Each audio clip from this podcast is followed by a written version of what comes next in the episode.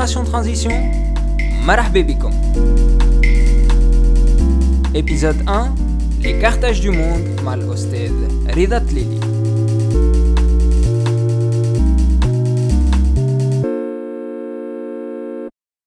مرحبا بكم الناس الكل آه، في هذه المحاضرة الأولى Génération Transition, le deuxième, la deuxième promotion, donc d'Ofat Ahmed Tlili.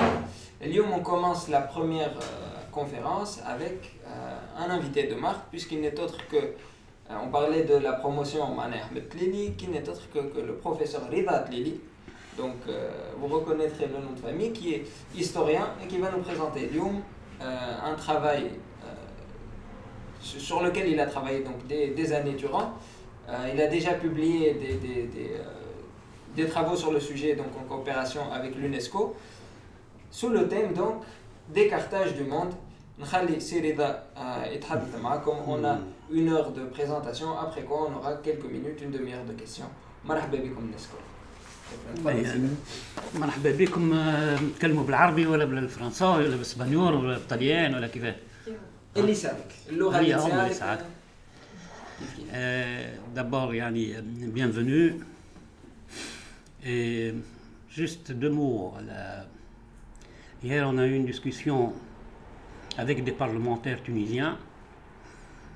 Euh, il ignorait euh, un peu l'histoire de la pensée démocratique في Tunis. J'étais très choqué par leur ignorance. Et peut-être ce, ce, que vous faites est un pas vers la connaissance de l'histoire des origines de la pensée démocratique en Tunisie, qui, qui a ses, origines bien lointaines.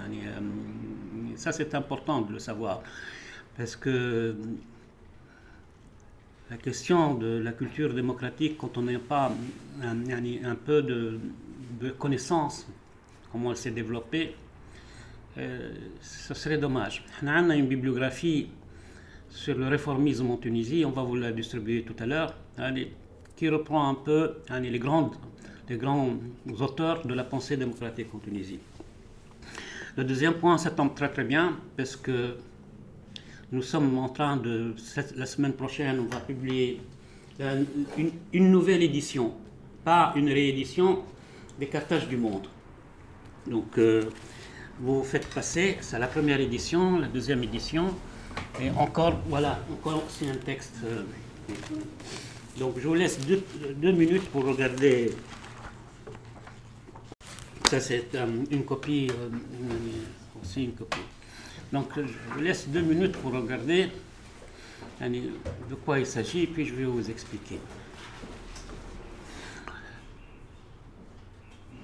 Alors comme vous voyez que dans la première publication et la deuxième, le format n'est pas un format francophone, n'est pas un format tunisien, c'est un format latino-américain de livre.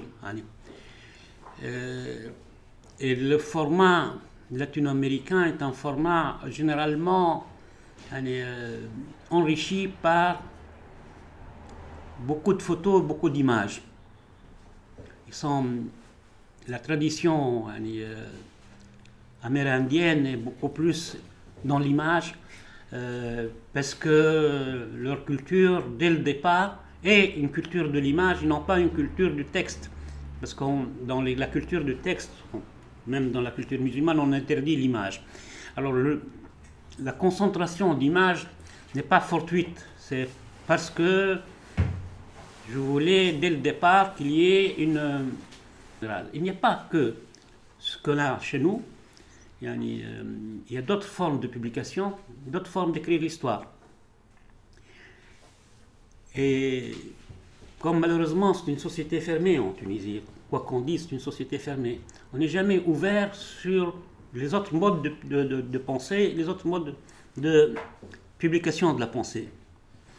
Le troisième point, qui est le plus important à mon avis, c'est qu'il passe sur le contenu de l'histoire on récite l'histoire.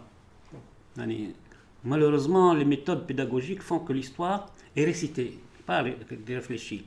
Moi, quand je suis patrimoine, ce qui m'intéressait le plus, c'est la signification de Carthage. Et nous avons mené une enquête.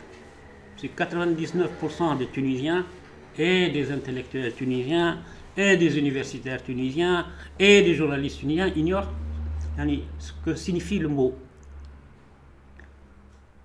Le mot carte Hadash, cartage. C'est un mot composé. Carte Hadash, c'est la nouvelle ville. Et c'est un, mode de, très important parce que les Phéniciens qui sont arrivés de Tyr, quand ils ont donné le nom de Carthage, voulaient dire on crée un nouveau monde, dans une nouvelle ville. C'est un nouveau monde. Donc ce concept de Carthage, Carthage phénicien, est un concept fondamental dans la pensée euh, euh, pré-romaine en Tunisie. Donc, cette volonté de créer un monde nouveau. Et j'ai toujours voulu, moi, si j'avais une, le, pouvoir, la place, quand on fait une, grande place de Carthage, on dit Carthage, c'est vers le nouveau monde. C'est pour ça ce qui est, intéressant. Pour le reste, les archéologues ont, écrit beaucoup plus que moi. Donc, euh, ce nouveau monde, les gens sont venus de tir pour créer un, nouveau monde. C'est ça le plus important, l'idée d'aller vers pour créer un nouveau monde. Et ce monde euh, qui a été créé ici, ça, s'appelle Carthage, Carthage.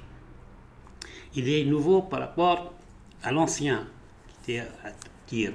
Le deuxième point, qui est plus important encore, c'est pourquoi ils ont quitté Didan, Issar, ils ont quitté la hum, leur ville natale.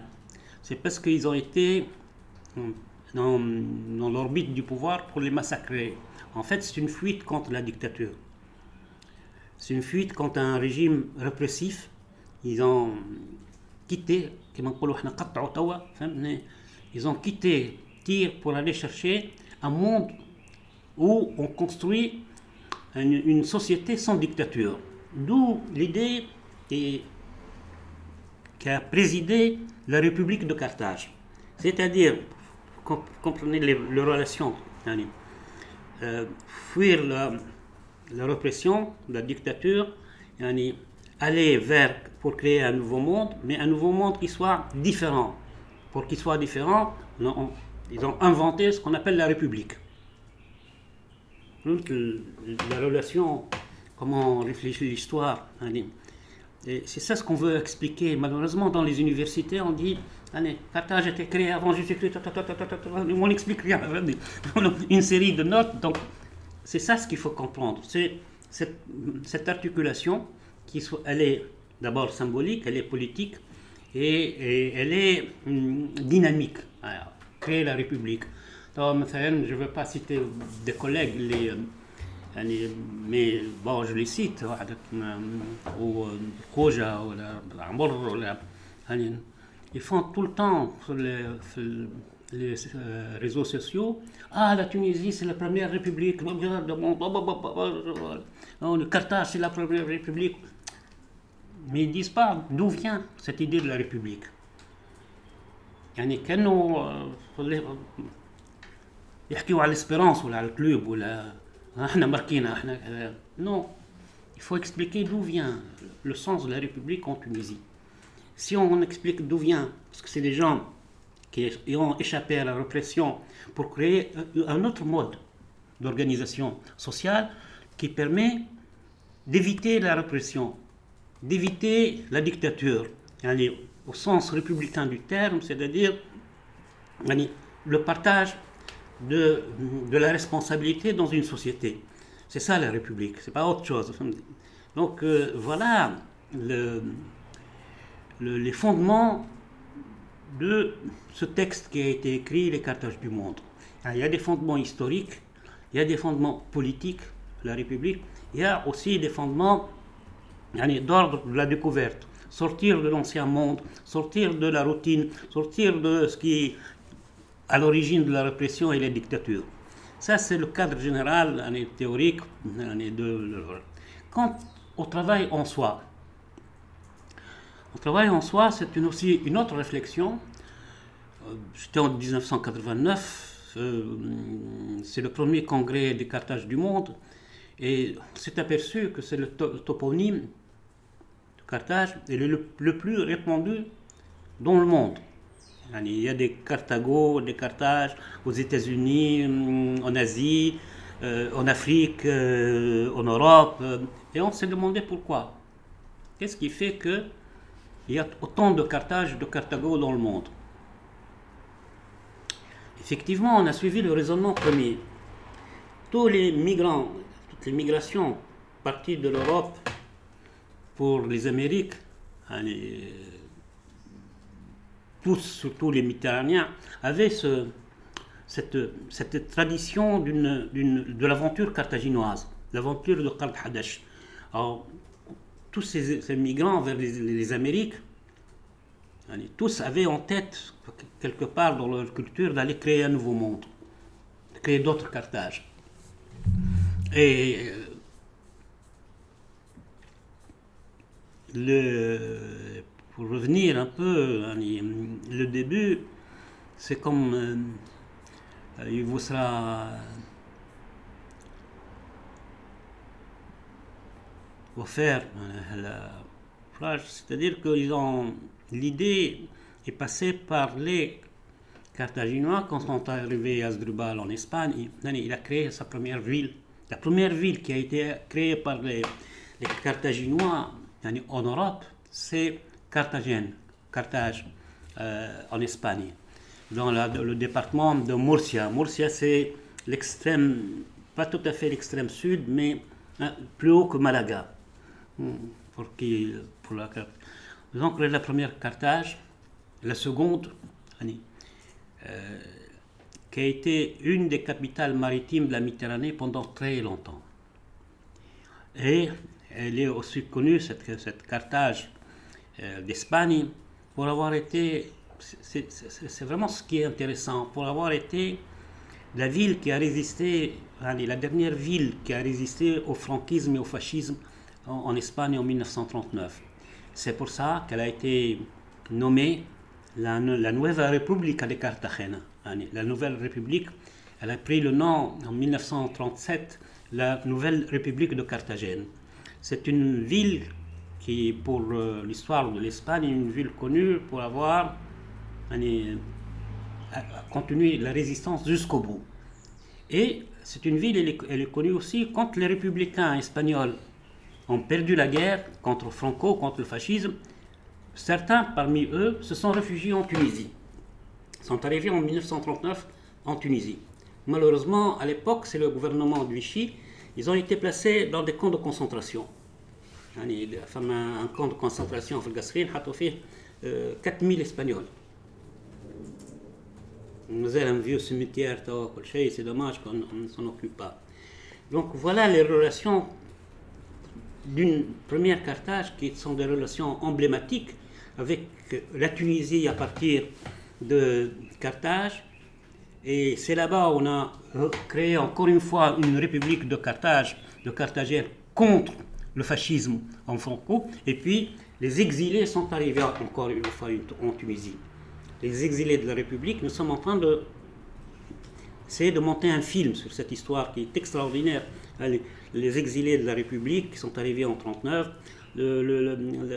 la colonisation française les a flanqués dans des camps de concentration, sont arrivés à Bizerte, sont enfuis par leurs bateaux de guerre.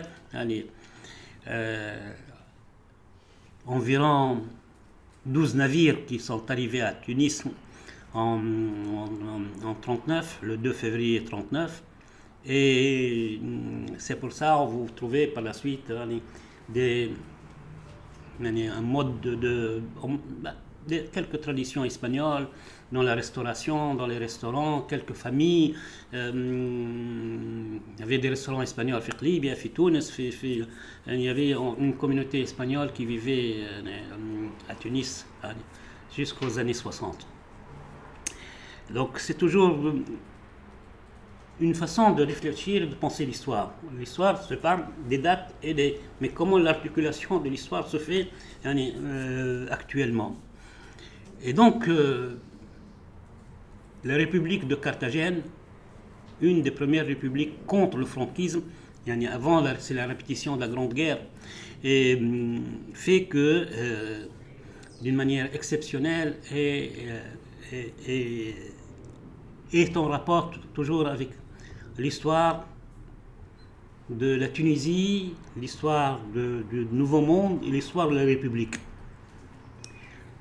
Plus encore, cette ville, euh, Carthagène, a été euh, le lieu où Cervantes a écrit le plus grand nombre de ses, ouvrages. Pour ceux qui ne connaissent pas Cervantes, ils doivent regarder sur le. Cervantes est un des plus grands écrivains de l'histoire.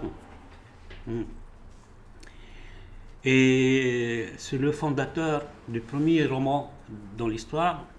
Et Cervantes a été en Tunisie, puis il a écrit quelque chose de magnifique sur Carthage. Parce que, permettez-moi, je veux lire ce qu'a écrit euh, Cervantes. Cervantes a écrit quelque chose de tout à fait exceptionnel sur Carthage. Il a écrit Peu à peu, ils arrivèrent au port ceux qui ont donné le nom de Carthage, ce lieu ouvert à tous les vents, euh, ce lieu ouvert, ce, lieu ouvert à tous les vents dont la renommée claire et singulière s'ouvre encore sur les voies maritimes pour découvrir le soleil. Parler de Carthage. Euh, et c'est un beau texte. Moi, j'ai traduit qu'une partie. Et euh, Cervantes, euh, il faut regarder sur le net, sur le pour voir que c'est un des plus grands écrivains de, de l'histoire. Euh, et donc, euh, ces grands textes d'un Cervantes sur Carthage, la tunisienne et carthagène, l'espagnol, sur la Carthage de la République, est, une excellente référence. Donc, euh, c'est une, c'est un très beau texte qui reprend le concept de Karthadesh comme il était à l'origine, c'est-à-dire à la recherche d'un nouveau monde, créer une nouvelle société. Et c'est ce qu'on espère tous pour la Tunisie. Puis par la suite, ce monde carthaginois s'est déplacé aux Amériques. Euh, à partir de 1500, 1553, les premières Carthages pour euh, constituer le premier, la première euh, euh, en Colombie, Cartagena de Indias, Carthagène de l'Inde à l'époque, parce qu'ils ne savaient pas si c'était l'Amérique ou les Indes. Et c'est une Carthage qui a été connue d'abord parce que c'est une très grande fortification de l'Empire espagnol, qui a résisté aux Anglais, aux Français, qui a résisté aux, tout autre euh, envahisseur. Et elle est connue beaucoup plus pour avoir cette, euh, région de Carthagène qui a été créée par un nommé euh, Juan Heredia de Cartagena, qui est من Carthage, من من Espagne. Et aussi cette ville fait deux deux caractéristiques qui ressemblent presque, presque euh, une copie à celle de, Carthage, la Tunisie. La première, c'est une découverte, c'est un monde nouveau qui a été découvert. Le deuxième, c'est une ville qui a été défendue par une dame qui s'appelle Catelina, qui est un peu Didon, c'est un peu l'image de Didon, et hum, qui était une des, les premières résistantes contre toutes les plusieurs invasions étrangères. Comme euh, Didon, comme Birsa, etc. C'est toujours ces, correspondances qui sont intéressantes à étudier. Et ensuite, parce que c'est la première ville ou région en Colombie qui demande son indépendance en 1802 par rapport à l'Espagne. Et c'est pour cette raison, cette Carthagène Cartagena de Indias, on l'appelle la ville héroïque. C'est la première manifestation contre l'occupation espagnole, l'empire espagnol aux, Amériques, en Amérique euh, centrale et du Sud.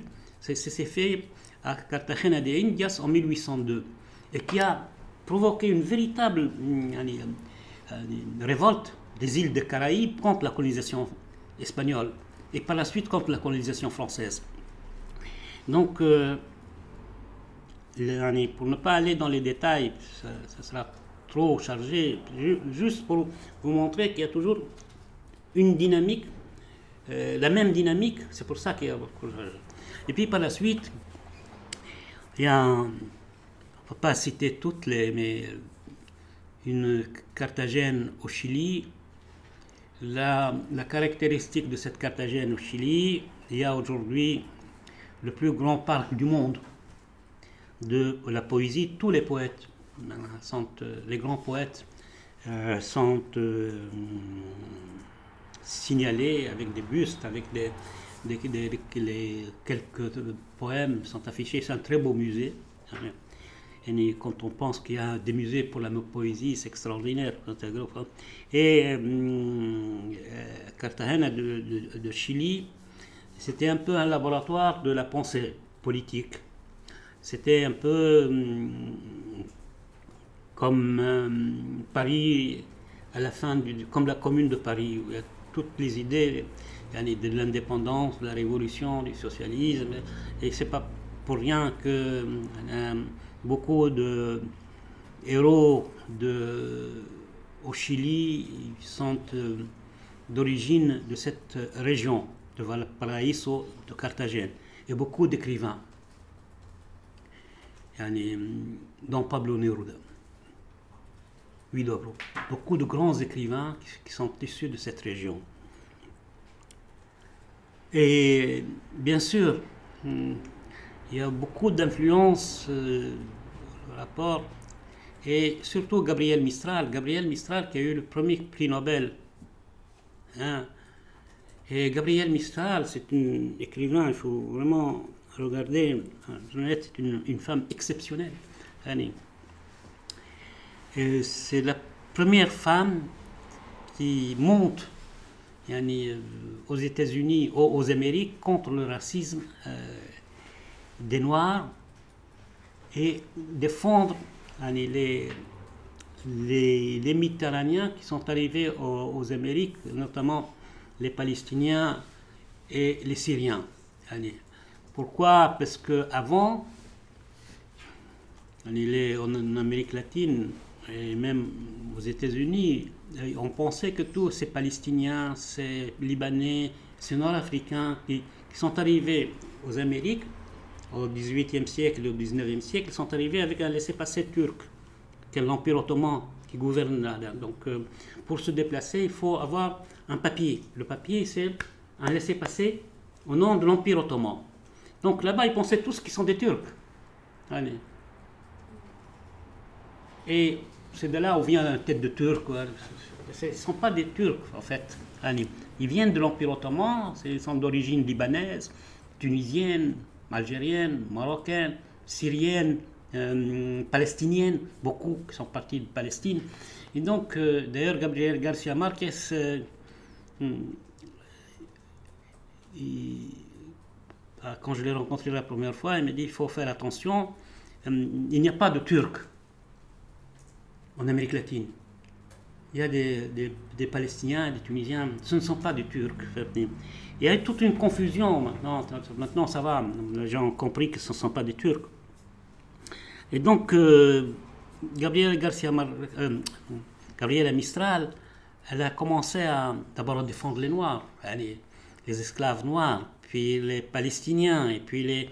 Et c'est la première euh, femme dans ses écrits où elle, où quelqu'un défend les migrants qui viennent du sud, du sud de la Méditerranée. Parce qu'il y a eu des gens qui défendent les, Italiens, les, Polonais, mais défendre ceux qui viennent du sud de la Méditerranée, euh, aussi bien noirs que non noirs, c'est Gabriel Mistral qui a eu le prix Nobel de la paix en 1927.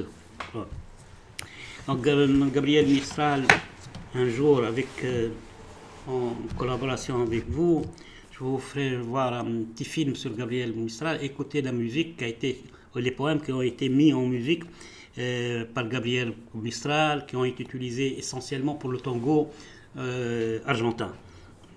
Donc c'est une c'est aussi quelque chose d'exception au niveau. Maintenant, on revient hum, aux immigrants, ceux qui ont quitté le nord de l'Afrique et, de l'Espagne pour aller vers les États-Unis. Pour expliquer, les, nous avons environ 30%, 36% exactement, ceux qui sont embarqués aux États-Unis de 1400, 1500 53 à 1617, on y trouve, ça c'est très important, vous allez le voir. Il y a 36%, ceux qui ont embarqué pour les Amériques, il y a 36%, 36,6% qui sont des Andalous. C'est-à-dire que c'est des gens qui sont un mélange entre arabes, berbères, chrétien espagnol, vandale, etc. C'est ça l'Andalousie. C'est-à-dire, cette culture méditerranéenne andalouse s'est déplacée aux Amériques. C'est pour cette raison qu'on voit y a beaucoup d'influences. Dans l'architecture, par exemple, dans l'architecture, voilà, dans l'architecture, ça c'est dans les pays d'Amérique latine. C'est presque la, mosquée de Coran ou de Marrakech. Et, tout cela, vous voyez, vous vous dites, des fois, quand vous vous promenez en Colombie ou au Mexique, des fois, quand vous regardez une tas table, mais ça, elle est euh, euh, هذه هذه معناها نهج tribunal, etc., etc. Parce que c'est aussi important dans l'histoire, c'est que les, une grande partie des, Andalous, je connais les Andalous, ceux qui n'ont pas de famille Maghreb, ni au Maroc, ni en Algérie, ceux qui sont pauvres, très pauvres, ils n'ont rien à gagner, euh, ils n'ont rien à gagner ni à perdre en Espagne.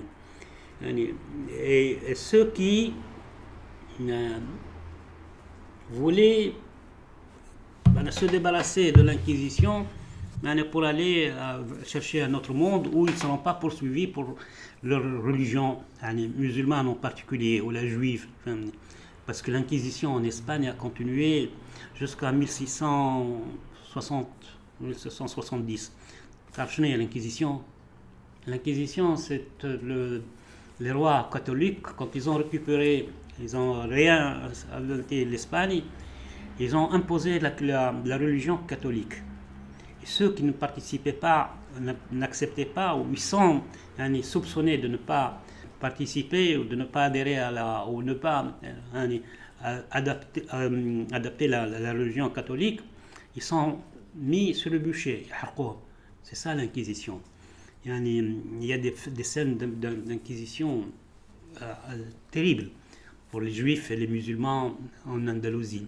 Donc il y a beaucoup qui ont fui cette inquisition, ont tenté de fuir cette inquisition toujours le même, la même trame historique. On fuit une dictature pour aller créer un monde, notre monde. C'est aussi ces 36% de l'Andalou qui ont, été dans cette euh, situation-là. Et donc il y a beaucoup qui, ont habité Carthagène. On voit la, multiplication des, villes de Carthagène et de Carthage. Euh, puis, il y a les États-Unis d'Amérique. Les États-Unis d'Amérique il y a où il y a le plus de noms de villes, de petites villes qui euh, s'appelaient Carthago, Carthage, Carthage. Pourquoi les États-Unis? Parce que c'est un pays de migrants. D'ailleurs, on appelle les États-Unis le Nouveau Monde. Euh, c'est des gens qui sont tous, surtout les Italiens, ont créé un nouveau monde. Euh, le monde ancien n'avait pas de. Parce que l'Europe au XVIIIe, XIXe siècle était une Europe pauvre, de crise, où on distribuait les pommes de terre, un kilo pour une famille. Et donc, la plus grande immigration qui est dans l'histoire, c'est les Européens qui sont allés aux Amériques, 50 millions. Si ونحسبوا اللي حرقوا الكل واللي خرجوا الكل من تونس والجزائر والمغرب وليبيا ومصر يعني كلهم يعني depuis le 19e siècle et le 20e siècle تو ما نلقاوش 50 millions 50 millions d'Européens sont prisonniers. La plus grande histoire. Ça, on ne le dit pas. Bah, les Et donc, c'est important, les 50 millions, les pchas au la plupart sont de la Méditerranée, sud de la Méditerranée. Quand vous voyez les films, les, les films américains sur les, les parents, les, films sur le euh, sont tous d'origine italienne, grecque, polonais, les Polonais moins dans la première immigration, mais Italiens, Grecs, euh, euh, euh Palestiniens, Maltais, euh, Africains ou Arabes, euh, et toute la mafia italienne et d'origine sicilienne. Ils sont partis d'un petit village, la plupart, qui s'appelle Carthage. Hein. C'est-à-dire que finalement, c'est toujours la même relation, on trouve. Et puis nous avons de véritables intellectuels américains, on cite quelques-uns, qui ont été d'origine réellement, alors là, c'est d'origine méditerranéenne, nord-africaine, qui ont créé des Carthages. Et mieux encore, il y a Al Gore qui s'est présenté aux élections présidentielles aux États-Unis, je crois que avant Clinton, crois, au même temps que Clinton, je crois, hein, j'ai oublié. Al Gore, c'est son nom réel, Al Ghori. Il est un, un Sicilien d'origine, je ne sais pas exactement, mais ses parents ont vécu en Tunisie, je ne sais pas où, je n'ai pas fait le, suivi de cette recherche, parce que ce n'est pas mon travail, mon travail c'est d'expliquer les relations. Et Al Gore, il est originaire de Carthage, de Tunisie, aux États-Unis. Sa famille est d'origine sicilio-tunisienne. Et le slogan de Al Gore était de Carthage à Washington. Son slogan pour les présidences pour sa candidature. Et puis, bah, il s'occupait de climat et d'autres choses. Bon, il a abandonné la politique, il a fondé un, un grand mouvement pour défendre l'environnement, le climat. Et c'est une des, des personnalités les plus remarquées et remarquables dans la défense du climat surtout la défense de la déforestation des Amazones. Et il, a porté plainte contre le président de la République euh, brésilienne qui a autorisé la dévastation des forêts d'Amazon. Et donc euh, Al Gore, c'est, il en est fier d'ailleurs. Ce slogan, son affiche et de, de, Carthage à Washington. Malheureusement, on n'a pas, n'a pas pu, enfin, moi j'ai essayé de l'inviter à plusieurs fois en Tunisie, je n'ai pas pu, hein, son slogan et sa famille, de Carthage à, Washington, et c'est écrit aux États-Unis dans une campagne électorale. On a récupéré la fiche une copie de la fiche, on va la publier en plusieurs exemplaires. Ça, c'est le journal Le Monde. Les élections présidentielles euh, aux, USA, Al Gore de Carthage à Washington. Et il est avec sa famille, etc. C'est-à-dire que c'est aussi une, dimension.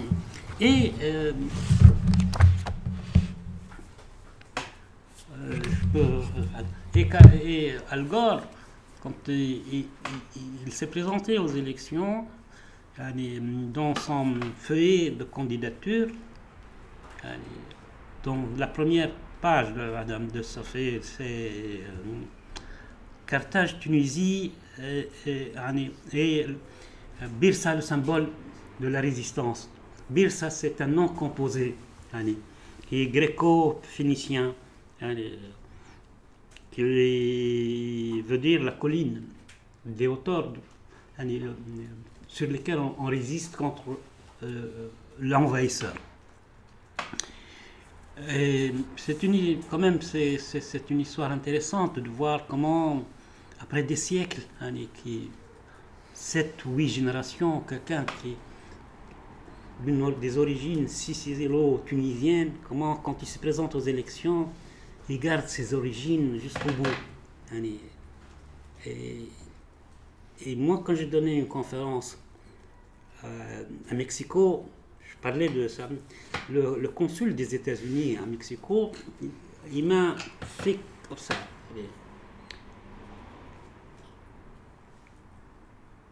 Puis on n'a pas terminé, on a pris une pause café pour discuter. Il est venu me dire, l'ambassadeur, c'est pas le seul, il dit il ne faut pas parler beaucoup de, des origines d'Al Gore. Parce qu'il y a toute une grande population aux États-Unis qui est raciste et qui risque de lui faire du tort d'origine sicilienne. Hein, il faut pas, il faut pas le, le, dit si ça va, mais il faut pas le répéter aux États-Unis. Pendant toute la campagne électorale, il faut éviter de parler des origines d'Al Gore. Allez. S'il découvre qu'il est sicilien ou tunisien, il n'ira pas très loin, le gars. Le gars. Alors, c'est vrai, aux États-Unis, j'ai écouté le, conseil de, l'ambassadeur des États-Unis à Mexico pour ne pas parler de ses origines. Parce que c'était déjà, il avait une campagne mm, très dure par la droite euh, américaine, parce qu'il se présentait comme un démocrate, et de la gauche de la, des démocrates. Donc, voilà un peu des, petites, euh, des petites anecdotes qui expliquent pourquoi aussi on écrit l'histoire. Euh, d'autres aspects qui sont très intéressants hein, au niveau de cette correspondance de des cartages du monde, euh, indépendamment, qui sont les plus nombreux dans le monde. Euh, et chaque cartage, je ne peux pas le faire, il me faut une semaine. Chaque cartage a une, histoire particulière, une histoire aussi belle que euh, la, première. Et enfin, pas enfin, mais le Carthage a été l'objet dans la littérature, la philosophie, la, littérature politique euh, qui a été, je crois, avec un nombre extraordinaire d'ouvrages en politique sur la question de la République, euh, en stratégie militaire. Et en stratégie militaire, c'est un, c'est un enseignement qui donné dans les universités, dans les écoles militaires. Et nous avons un officier de la marine tunisienne qui a énormément travaillé euh, sur la navigation euh, carthaginoise. Et il a participé dernièrement à un congrès sur euh, une polémique sur si les Carthaginois sont arrivés aux, Amériques, oui ou non, avant Christophe Colomb. Il y a tout un débat. Et il y a au musée de la défense nationale de l'armée tunisienne ils exposent des, une, des, des, reconstitutions de bateaux phéniciens carthaginois et ils ont tout un, un tas de documents en tant que euh, Hannibal les stratégies militaires d'Hannibal, de contournement pour occuper l'Europe à partir du sud, c'était Donc c'est important, les militaires tunisiens, la marine, pas tunisiens seulement. Euh, donc la stratégie de découverte et de la maritime, une révolution dans, dans la navigation euh, maritime, c'était une véritable révolution. Toutes les techniques étaient euh, révolutionnaires. la, la, la, constitution du bateau, de la manière de d'accoster les côtes, les Carthaginois ne descendaient jamais directement à donc, et quand ils arrivent dans un endroit, on prend par exemple la région d'Oran, en Algérie, ils restent dans leur bateau carthaginois. Ils envoient une petite barque euh, avec deux ou trois qui allument un grand feu pour atterrir la population de la région. Hein. Et dès le départ, ils essaient de négocier. S'ils arrivent à une négociation correcte, parfaite, acceptée par ils débarquent. Et c'est une technique euh, qui a été euh, reprise aussi par, plusieurs euh, marins, plusieurs pirates, c'est-à-dire qu'ils ne vont pas confronter la population. Ils, essaient de négocier. Et ces deux grands négociateurs, les, Phéniciens, et chaque fois, peut-être c'est ça ce qui explique un peu le, grand succès d'avoir été en Afrique, c'est parce qu'ils ne vont pas en tant que guerriers de colonisation. Ils vont en tant que partenaires commercial ou politique. C'est ça ce qui est étudié dans les écoles militaires, comment on peut arriver au fin, fin du monde sans avoir utilisé les armes.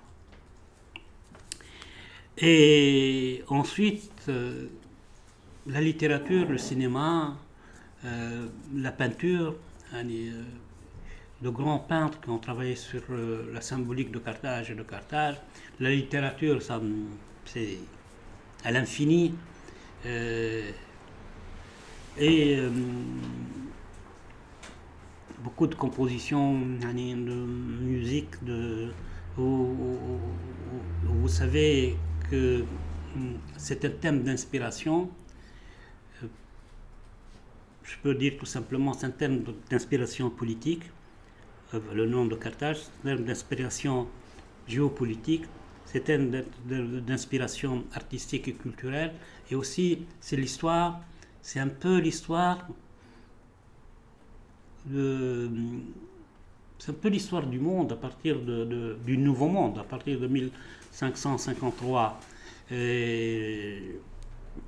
peut-être il faut ajouter que l'effort que nous avons fait avec mes collègues, c'est-à-dire nous sommes les premiers, réellement les premiers dans l'histoire, à localiser, qui est très important, à localiser toutes les cartages avec exactement les lieux exactement où ils se trouvent à travers la localisation euh, aux normes internationales. C'est-à-dire euh, exactement vous, regardez dans n'importe quelle carte avec la localisation, vous trouvez le.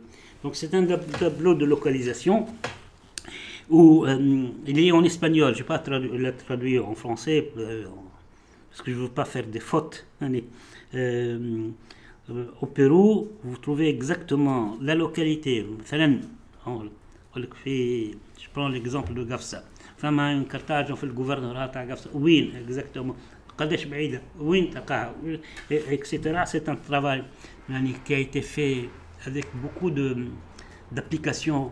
Et celui qui a fait Carlos Navarro, il a passé trois ans à le faire. Ans pour établir les, la cartographie des cartages avec leur localisation. Et évidemment, c'est ce document qui nous a fait découvrir, par exemple, le nombre de cartages au Mexique. Et c'est un document officiel qui nous a été fourni par le gouvernement mexicain. Euh, chaque fois, on, essaie d'expliquer, mais en fait, avec ce nombre, il faut 10 ans pour euh, terminer le travail, 10 ans. Alors, il y en a combien exactement? Hmm? Il y en a combien exactement? Ah, il y a une 113 euh, ou la 118, tout dépend. Les localités, les villages, les villes parce qu'il y a des volcans qui s'appellent des montagnes, il y a des, il mais des villes habitées euh, pas plus de 78, les, petits villages, les petits habités. Et donc, ce travail été fait et nous allons organiser une exposition hein, sur euh, les cartages du monde. Euh, pour, euh, pas pour. Parce que moi je suis contre ces, ces idioties, Carthage c'est nous, non. Carthage c'est un concept, avant de conclure. Carthage c'est un concept, créer un monde nouveau, un monde de justice, un monde d'égalité, un monde sans dictature. C'est ça ce qu'il faut retenir et non pas, ben, j'ai eu des, critiques idiotes de manière Ah, Carthage, chez nous, pourquoi on parle d'autres Carthage? Ah, ah Carthage, les autres n'existaient pas.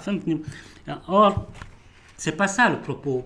Le propos, quelle est la signification politique, philosophique, culturelle de Carthage. C'est tout. Ce qui me, du moins, ce qui m'intéresse, ce que je trouve le plus important, que malheureusement, les archéologues, les historiens sont passés à côté. Et ils, reprennent l'histoire récitée et l'histoire événementielle et l'histoire locale, nationale, nationaliste, euh, comme si on était seul dans le monde, comme si euh, l'événement euh, comme si l'événement de Carthage reste quelque chose de strictement petite histoire. Et c'est pour cette raison, c'est cette conception qui a laissé la ville de Carthage aujourd'hui presque inexistante. Il y a quelques ruines par-ci, quelquefois, une destruction totale des parcs archéologiques, des parcs c'est fini, mais elle est disparue. Maintenant, le, parc international de Carthage, ils ont commencé à, y construire. Alors, euh, il fallait, à mon avis, créer un grand musée des Carthage du monde. Il fallait créer cet itinéraire des Carthage du monde pour initier, pour faire apprendre. Mais en fait, presque Carthage et dans l'esprit des Tunisiens, la majorité des Tunisiens, est, le nom d'un lieu, et non pas le symbole de toute une histoire qui a intéressé ou qui intéresse encore les Amériques, l'Afrique du Nord, hein, l'Europe, la Sicile, la Grèce, où il y a des petites Carthages, Chypre, euh, la Palestine, euh, il y a aussi en Afrique, au Soudan, il y a des cartages au Soudan. Donc cette expansion, expansion, le plus souvent non sanglante, de, du concept de Carthage, c'est ça ce qu'il faut retenir, et non pas ce qui se passe actuellement, c'est-à-dire on met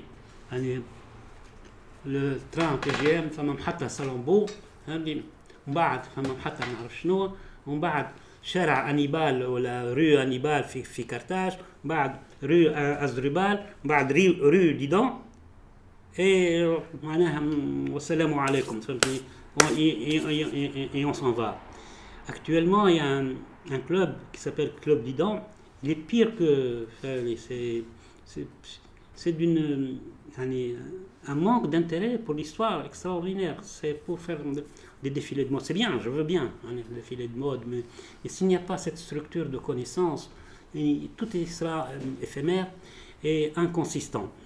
Donc, pour terminer, hum, hum, cet ouvrage, cette nouvelle édition insiste sur le sens de Kart Hadesh, le sens historique, le sens politique.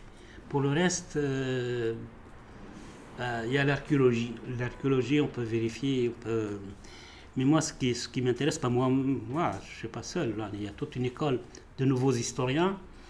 Euh, même en Israël, il y a des, ces nouveaux historiens qui ont, sont en train de remettre en question tout le sionisme. Non, Yann Papé, les nouveaux historiens, c'est une nouvelle façon de voir l'histoire. Les nouveaux historiens ou la nouvelle génération des historiens ou la, nouvelle lecture de l'histoire. C'est un mouvement qui existe un peu partout maintenant, en Espagne, aux États-Unis, au Mexique. D'ailleurs, en, en, Colombie, ils sont en train de réécrire l'identité colombienne. Parce que jusque-là, jusqu'à il y a 15-20 ans, dans l'identité colombienne, c'est une identité blanche.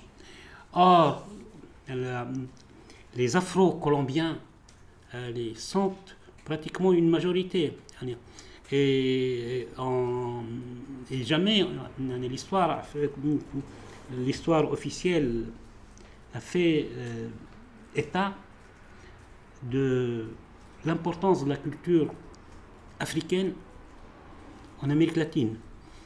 Même au Brésil, où il y a le plus d'avancées, ce nouveau euh, président qui est arrivé de l'extrême droite, veut, il, veut, il veut effacer, et même les langues africaines qui sont enseignées dans certains comtés du Brésil, ils ont publié un décret pour les éliminer, pour rester une histoire blanche, coloniale, chrétienne et évangélique, pas catholique.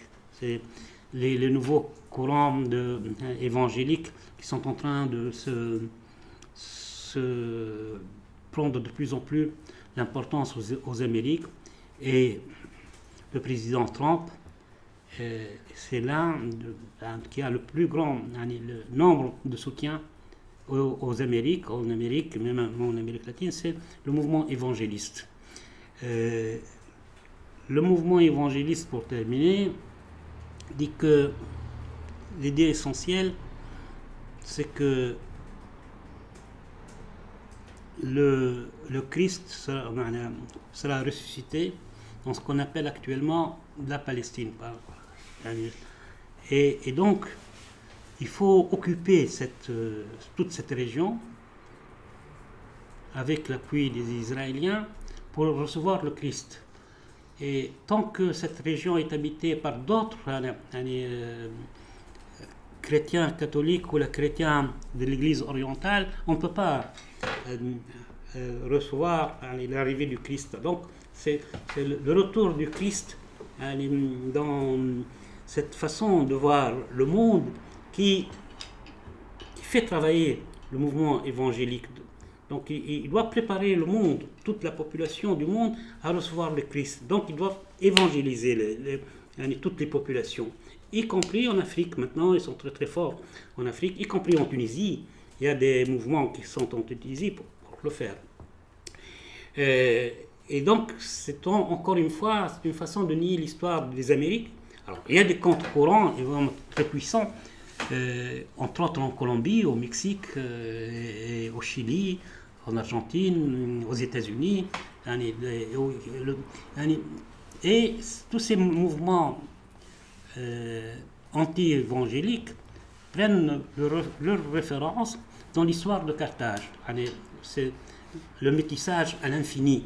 Il n'y a pas d'histoire qui, a un, commencement et une fin. L'histoire, c'est une dynamique. Et c'est ça l'écriture des nouveaux historiens c'est la dynamique de l'histoire et, euh, comment euh, philosopher l'histoire? Pas seulement euh, apprendre des dates et apprendre des, des événements et apprendre de... Donc, ce travail s'inscrit aussi dans le courant des nouveaux historiens qui, je crois, j'espère qu'un jour ou l'autre sera très puissant en Tunisie. Merci. Bien sûr, merci on rappelle vite la date de, sortie du euh, livre. La semaine prochaine. Magnifique. Euh, B, donc t'envoies pour les questions. Est-ce qu'il y en a ou là j'ai quelques. Ben, ok. Et ma question, c'est pour euh, le rapport pour la suite des, événements. Le nombre en fait de, Carthage qui a été dénombré en fait. Pour le. ceux qui sont habités peuvent refaire maintenant des références. Oh, j'ai oublié quelque chose, je vais vous le dire tout, de suite, après je vous réponds. Au les États-Unis d'Amérique, toutes ces cartages, vous allez les voir dans le livre, il y a une, presque une centaine aux États-Unis, Cartago. Cartago Migrash, hein, aux États-Unis, euh, au Carthage. Et ce nombre très important aux États-Unis a été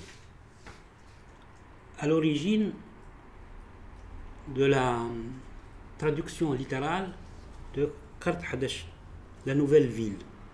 Une fois que la langue anglo-saxonne a envahi les États-Unis à partir du fin XVIIIe siècle, la traduction littérale de Carthage, Hadesh, on la trouve dans les nouvelles générations des villes américaines, euh, New York, New Jersey, New Orleans. C'est exactement, c'est une traduction. Nous avons aussi les documents qui annoncent cette, traduction hum, littérale. Et ce qui explique, c'est la domination de, la, langue anglo-saxonne. Quand elle a dominé hein, aux, États-Unis, ils ont commencé cet, mouvement de traduction des villes. Et ils ont trouvé comme base intelligente le la nouvelle ville. Et la première ville qui a été, euh, son nom qui était, euh, qui était de Carthago, l'Illinois, euh, New York, qui était habité par des Indiens, Isazu. Et la première traduction de Carthage fut celle de New York, la nouvelle ville.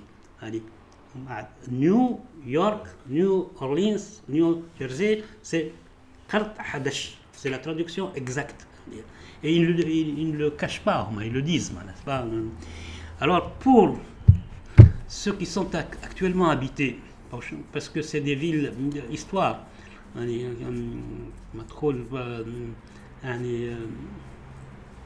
villes ici qui sont plus habitées. Wizna, est une grande ville à une époque. Maintenant, il y a des ruines. Alors, entre les ruines ou, les villes habitées, il y a toute une différence. Par exemple, euh, les villes, par exemple, il y a un grand, un, des plus grands volcans en Amérique, qui s'appelle le volcan Carthago. Euh, ça, c'est pas une ville. Il y a des rivières, il y a des fleuves, il y a des. Alors, pour tout simplement pour répondre le nombre de, villages, de villes, il y a, de toute façon, il y a de grandes villes. Il y a Cartagena de Indias, la plus grande ville, il y a plus de 2 millions d'habitants. Il, y a Cartagena d'Espagne, il y a environ 800 000 habitants. Il y a Cartagena de Chile, 300 000 habitants.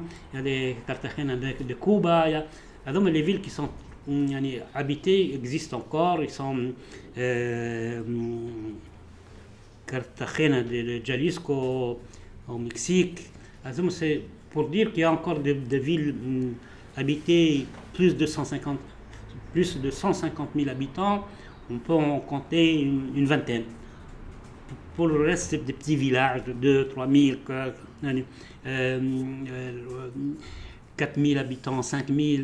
Euh, et, et, après, il y a celles qui sont disparues. C'est-à-dire qu'aujourd'hui, si on veut revoir les villes qui sont habitées, dynamiques et qui sont représentatives, il y a une vingtaine de villes euh, qui réellement sont encore euh, magnifiques. Euh, la, comme Cartagena de ce qu'on appelle la perle des Caraïbes, c'est une ville qui a été reconnue, toute la ville, comme monument historique euh, reconnu par l'UNESCO comme monument, comme ville qui appartient au patrimoine universel, euh,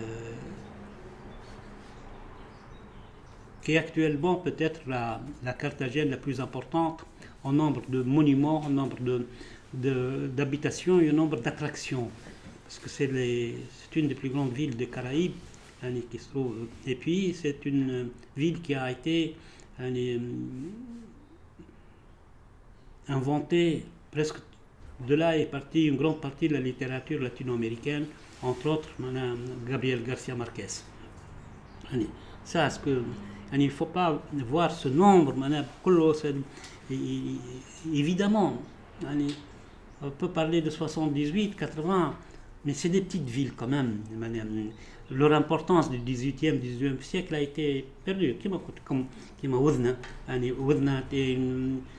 est Utique, c'est une grande ville maintenant, il n'y a rien.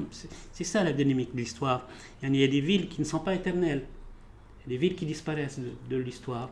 Et par exemple, dans la désertification, si euh, le, désert avance, s'il continue à avancer à ce rythme en Tunisie, dans 50 ans, Tozor risque de disparaître.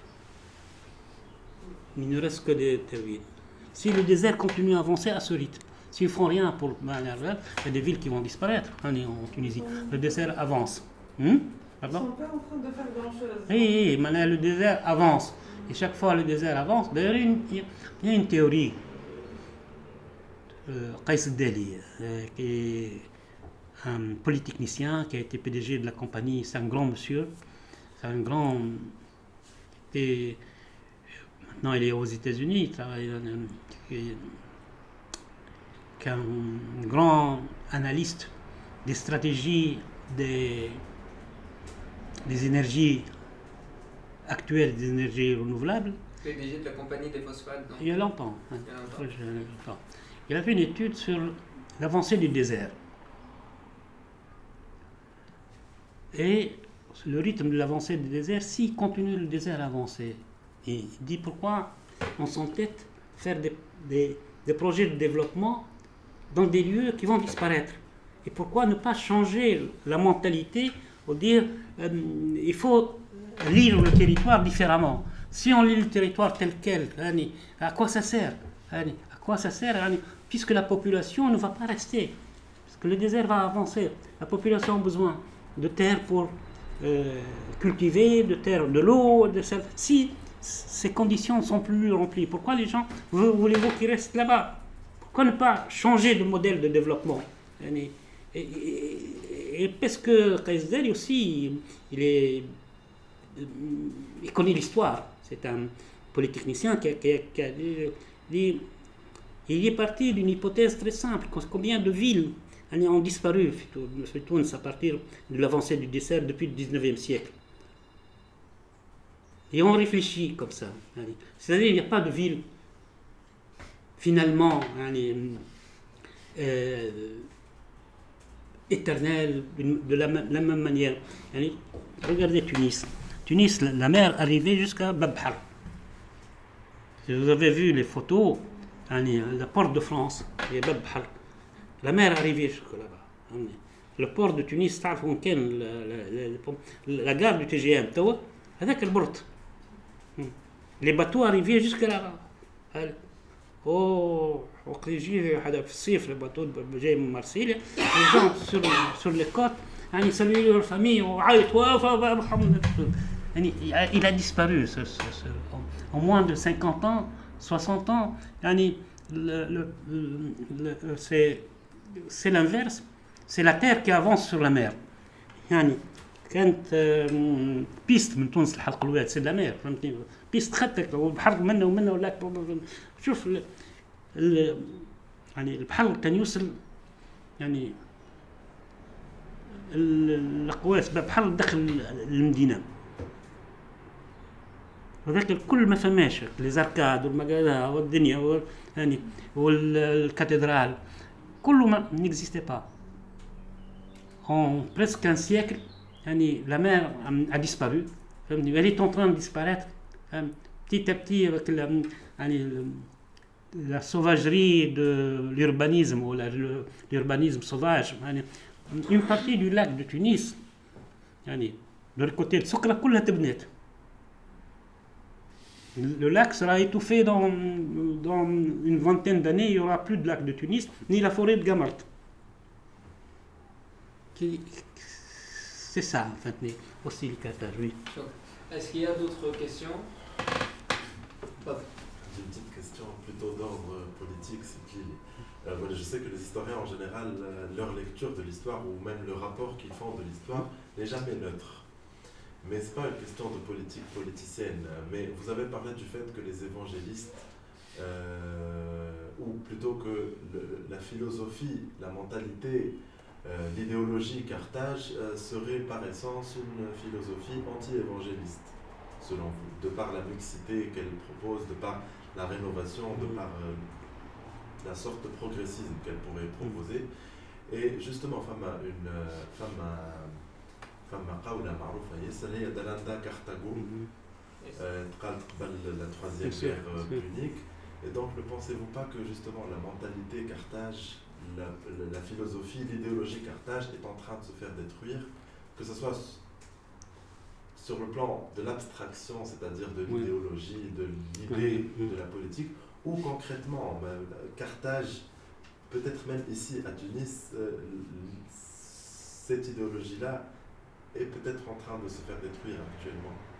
Oh, elle n'a jamais commencé pour qu'elle n'a jamais été réellement partagée. Par exemple, allez, par exemple, dans les cours d'histoire, même à la faculté, la République de Carthage n'est pas enseignée. De temps en temps, slogan, et ça ne sert à rien. Des slogans comme ça, ça ne sert à rien, c'est bidon. Pourquoi cette République s'est maintenue pendant euh, deux siècles et pourquoi elle, a, chuté, cette République de Carthage? Comment elle a été détruite? C'est ça ce qui est important. Et effectivement, au milieu du travail, pour travailler, cette volonté de créer un nouveau monde. On a une classe politique, elle a une volonté de regarder le vieux monde. Elle n'a pas encore commencé. Tous les discours politiques, c'est passé. On n'a jamais vu quelqu'un, un homme politique, il, dit, il dira que en 2050, la Tunisie sera la capitale, la plus grande capitale en Méditerranée, par exemple. Hein. Non. نرجع بالتوالي يعني شكون قتل فرحات حشاد شكون donc c'est plus que politicien c'est un manque de c'est un manque de, de regard vers l'avant j'ai un exemple pour vraiment comprendre l'Espagne a été dans les années 60 qui m'a au même niveau de développement. Et Philippe González en 82, je veux que l'Espagne soit au même niveau les autres pays de l'Union européenne. Mon objectif. Même niveau. Hein. Alors, non, je place un objectif mobilisateur où toute la population est concernée. Le chef d'entreprise, l'ouvrier, la famille, il faut qu'il soit au même niveau que. il faut que le SMIC soit pareil en Espagne comme en France. C'est la volonté politique. C'est des gens qui regardent en voit. Allez. Quand j'ai Philippe Gonzalez, fils Banner, ah, on va résoudre le problème du franquisme. Allez. Non, nous voulons être. Pour être. Euh, pour, parce que les, Espagnols étaient soumis à racisme en, euh, Europe. Hein. Pour ne plus qu'ils soient soumis au racisme, il faut qu'ils atteignent le même niveau. Donc, ça, se regarder de l'avant. Ça, c'est de la politique. Ça, c'est, si tu veux, c'est la République de Carthage. Et effectivement, le mouvement évangéliste, c'est un, mouvement qui regarde le passé. Et donc, tous ceux qui regardent le passé, c'est des mouvements réactionnaires au sens euh, de dictionnaire. Réagir par rapport au présent et au futur, on est réactionnaire. C'est ça de quoi il s'agit. Euh, j'ai une question par rapport à la République. Hmm. Vous en parlez.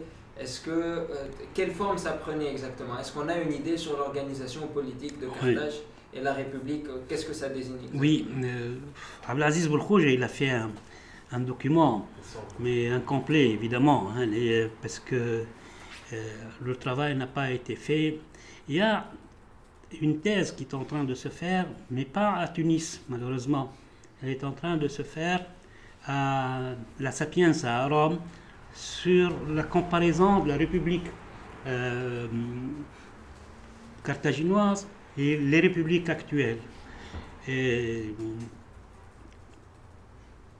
le principe fondamental est, l'élection d'un Sénat, c'est-à-dire un Parlement, un Parlement qui représente pas seulement la, la communauté de Carthage de Tunis, mais les communautés de Carthage dans tout le bassin méditerranéen. C'est ça. et en plus, euh, c'est le Sénat qui euh, qui donne plus que plus qu'une république. C'est-à-dire pour que l'armée carthaginoise se déplace, quitte les ports de Carthage, il faut que le Sénat, le Parlement, donne son accord. C'est-à-dire que finalement, euh, il y a une sorte d'une république avancée, très avancée en, en- en tant que concept. D'abord, c'est basé sur les élections, basé sur la représentativité, basé sur un Sénat qui contrôle le, le, le, le, le pas législatif, quoi, le l'exécutif. Voilà. Bon, ça a été cité par Platon dans la République de, de Platon, dans la République de 14. Hey, il a essayé de comparer les les constitutions, ça voulait dire régime politique, c'est pas la constitution d'aujourd'hui. Eh Donc Platon, il a, cité euh, la constitution de Carthage, c'est-à-dire le régime politique de Carthage, dans l'Antiquité comme étant un des régimes politiques en fait les plus. On va faire une, une dédicace, on va faire une dédicace ici, on va présenter le livre. On va faire un petit. Euh, une, un panoramique. Est-ce qu'il y a d'autres questions باهي يعطيكم الصحة الناس الكل ميرسي بوكو اللي اللي هوني تعطيني قائمة فيهم باش نهديرهم بالكتاب اللي اللي هوني برك سي نوتي شكرا سي رضا يعطيك الصحة ميرسي سلام.